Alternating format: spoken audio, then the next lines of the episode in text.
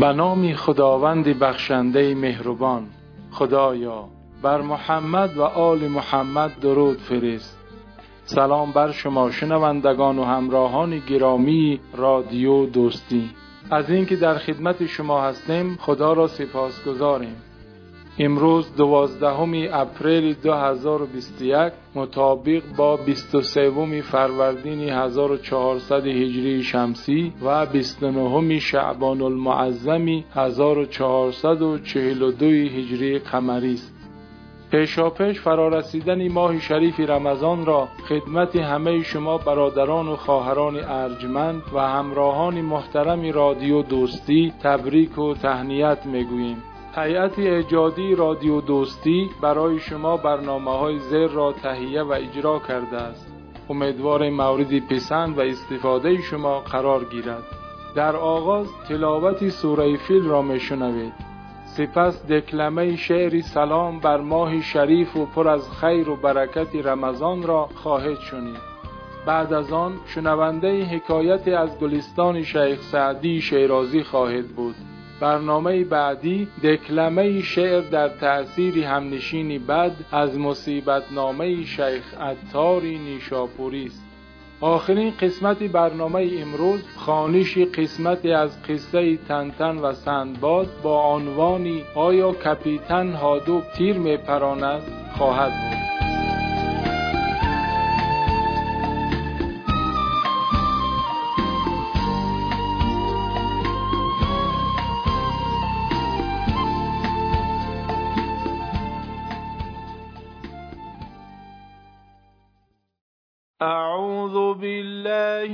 الشيطان الرجيم.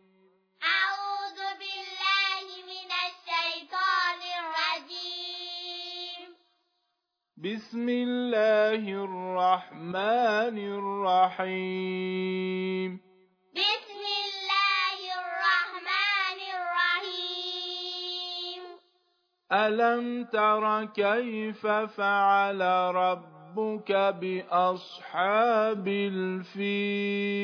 ألم تر كيف فعل ربك بأصحاب الفيل؟ ألم يجعل كيدهم في تضليل؟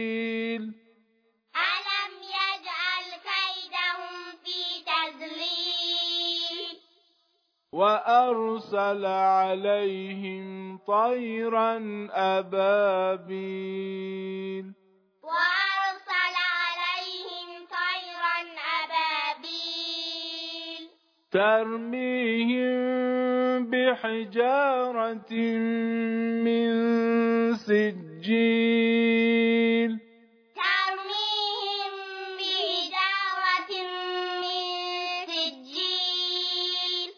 فجعلهم كعصف مأكول. فجعلهم كعصف معقول صدق الله العلي العظيم.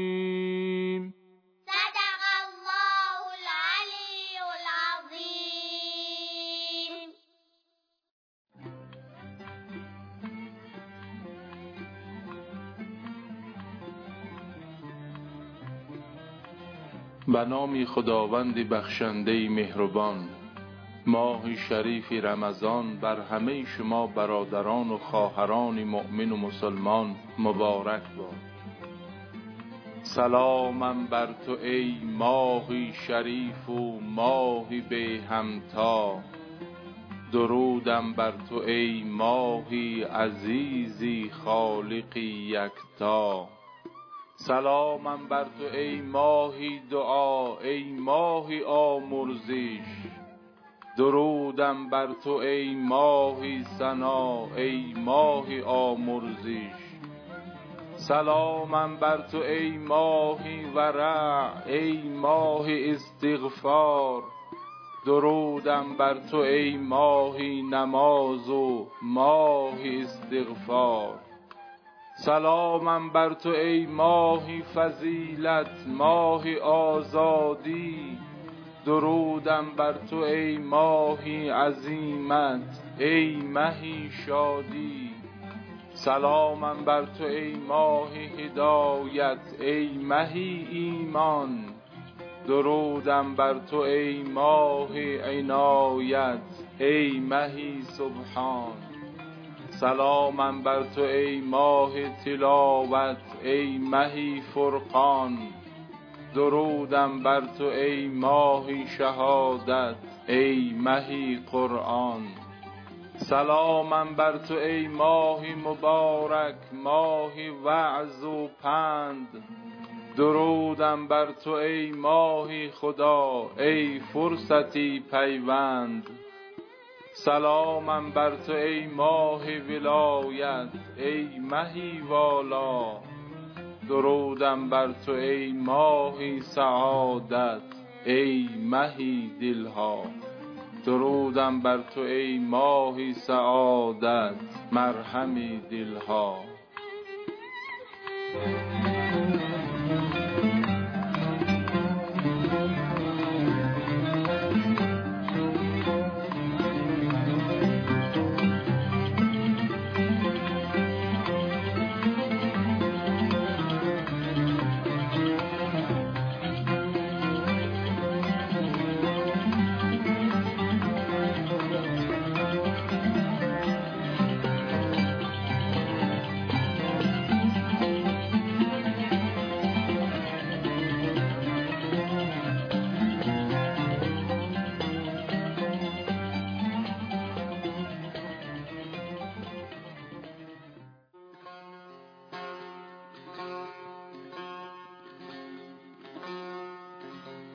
به نام خداوند جان آفرین حکیم سخن در زبان آفرین.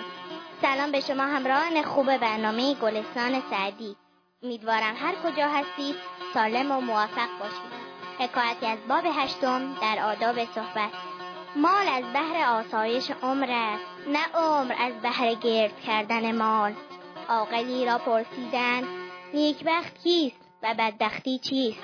گفت نیکبخت آنکه خورد و کیشت و بدبخت آنکه مرد و هیشت مکن نماز بر آن هیچ کس که هیچ نکرد که عمر در سر تحصیل مال کرد و نخورد. تا برنامه بعد و حکایتی دیگر خدا نگهدار.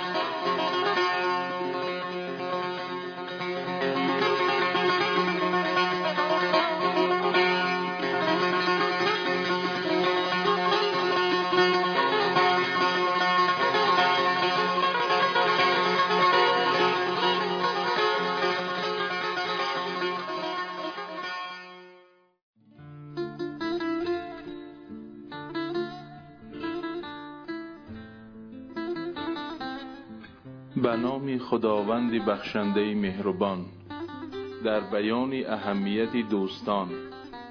از رفیقی نامناسب در جهان کن حذر تا از بلا یابی امان.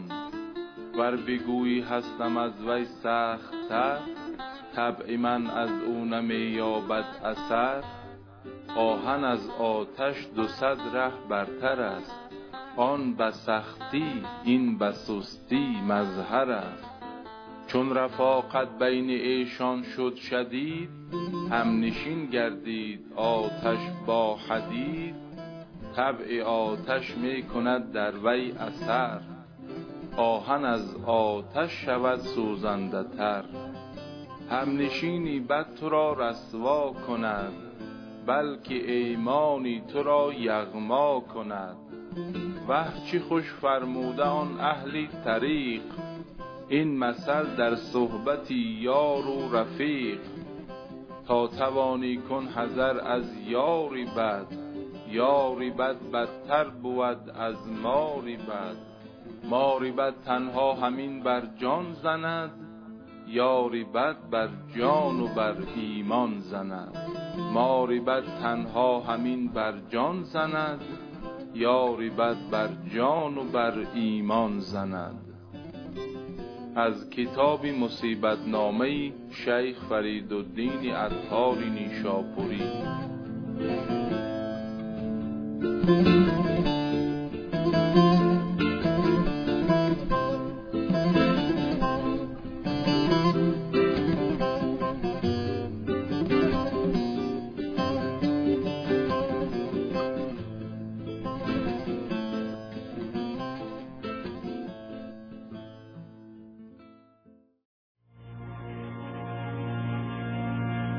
بنامی خدا داستانی تنتن و سندباد.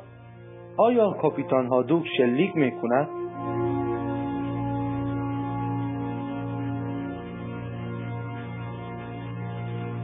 کاپیتان هادوک دسته هیزم روی کول گذاشته بود و از سراشیبی تپهای پایین می آمد که ناگهان سندباد را روبروی خودش دید.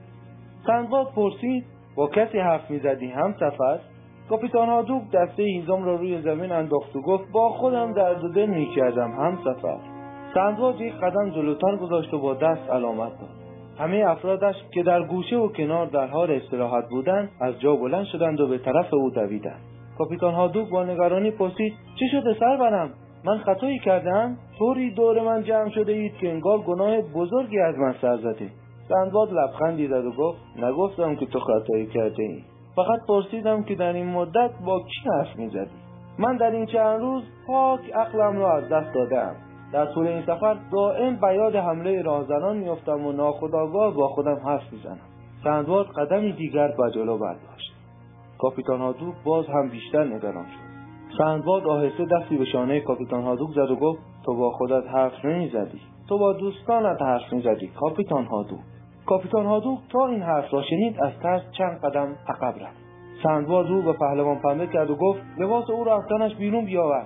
کاپیتان هادوک گفت نه سنورم این کار درستی نیست. مگر شما نمی‌دانید که این کار گناه دارد؟ سندباد لبخندی زد و گفت گناهش با من. پهلوان زود باش لباسهای او را بیرون بیاور. پهلوان پنبه جلو دوید و در یک چشم برهم زدن لباس بلند شرقی را از تن کاپیتان هادوک بیرون آورد. کاپیتان هادوک با لباس مخصوص خودش جلوی آنها نمایان شد. در واقع او روی لباس کاپیتانیش یک لباس بلند شرقی پوشیده بود. سندباد و افرادش دور کاپیتان هادوک حلقه زدند. علایالدین گفت پس تنتن و افرادش از راه فریب و نیرنگ وارد شدهاند. در این لحظه کاپیتان هادوک با سرعت سلاح کمریاش را از غلاف بیرون آورد و به طرف سندباد نشانه رفت و گفت بازی تمام شد. این هم از آخرین قسمت قصه سندباد. اگر یک قدم جلو بگذارید با این سلاح آتشین به طرفتان شلیک می‌کنم. اگر مرا نمیشناختید شاید چند روز دیگر زنده میماندید. ولی با این وضع دیگر زنده ماندن شما ممکن نیست. کاپیتان هادوک این را گفت و به طرف درخت نخلی که در آن نزدیکی بود شلیک کرد. شاخه بزرگی از درخت نخل جدا شد و به زمین افتاد. پهلوان پنبه از ترس بیهوش شد و روی زمین افتاد. علی بابا و علادین هم عقب عقب رفتند. تنها سندباد خونسرد و آرام روبروی کاپیتان هادوک ایستاد. کاپیتان هادوک گفت چرا فرار نمی کنی سندباد؟ و زودی تو و افرادت مثل برگهای این درخت روی زمین میافتی. می‌دانم که از ترس جرأت نفس کشیدن هم نداری ولی خجالت می‌کشی که حرف بزنی. حالا زود باش. جلوی پای من روی زمین بیفته التماس کن.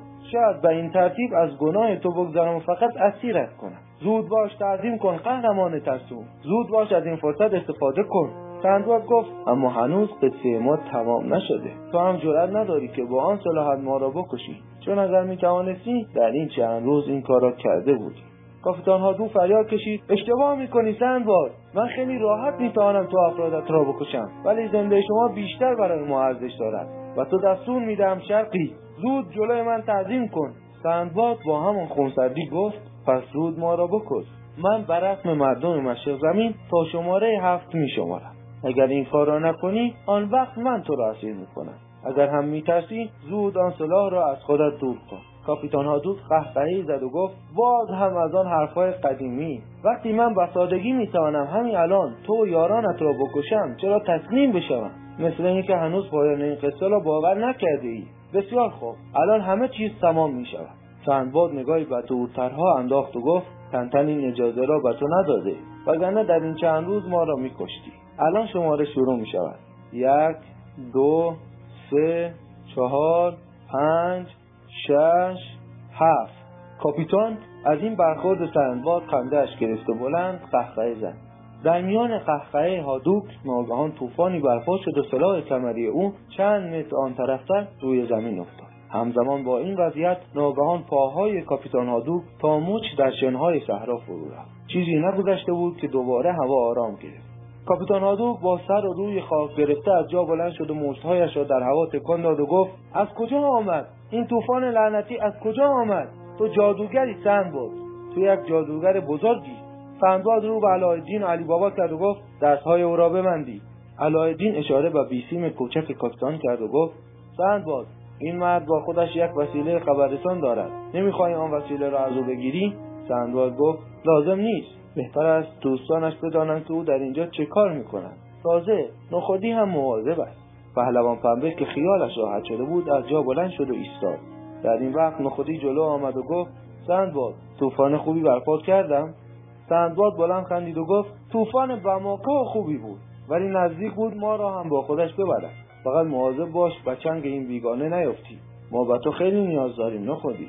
نخودی خوشحال و خندان از جلوی چشمان کاپیتان هادو که سعی داشت او را ببندد دور شد. کاپیتان هادو که دستهایش با ریسمان محکمی بسته شده بود پرسید حالا با من چه کار می‌کنی سندباد؟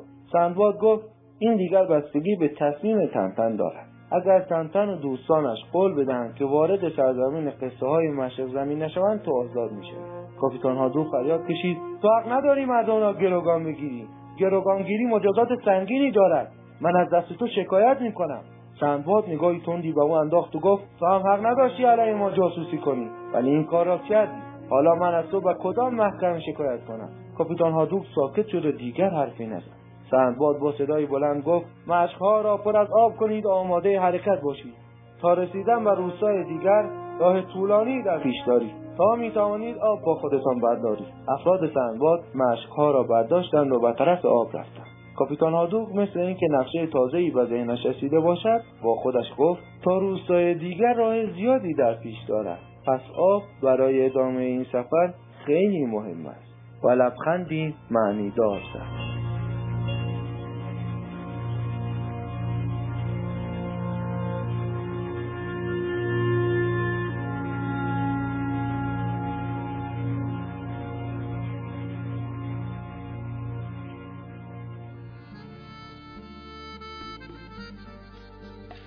از اینکه برنامه های رادیو دوستی را با حوصله دنبال و ما را از نظرات خود بهرهمند می کنید از شما سپاسگزاریم.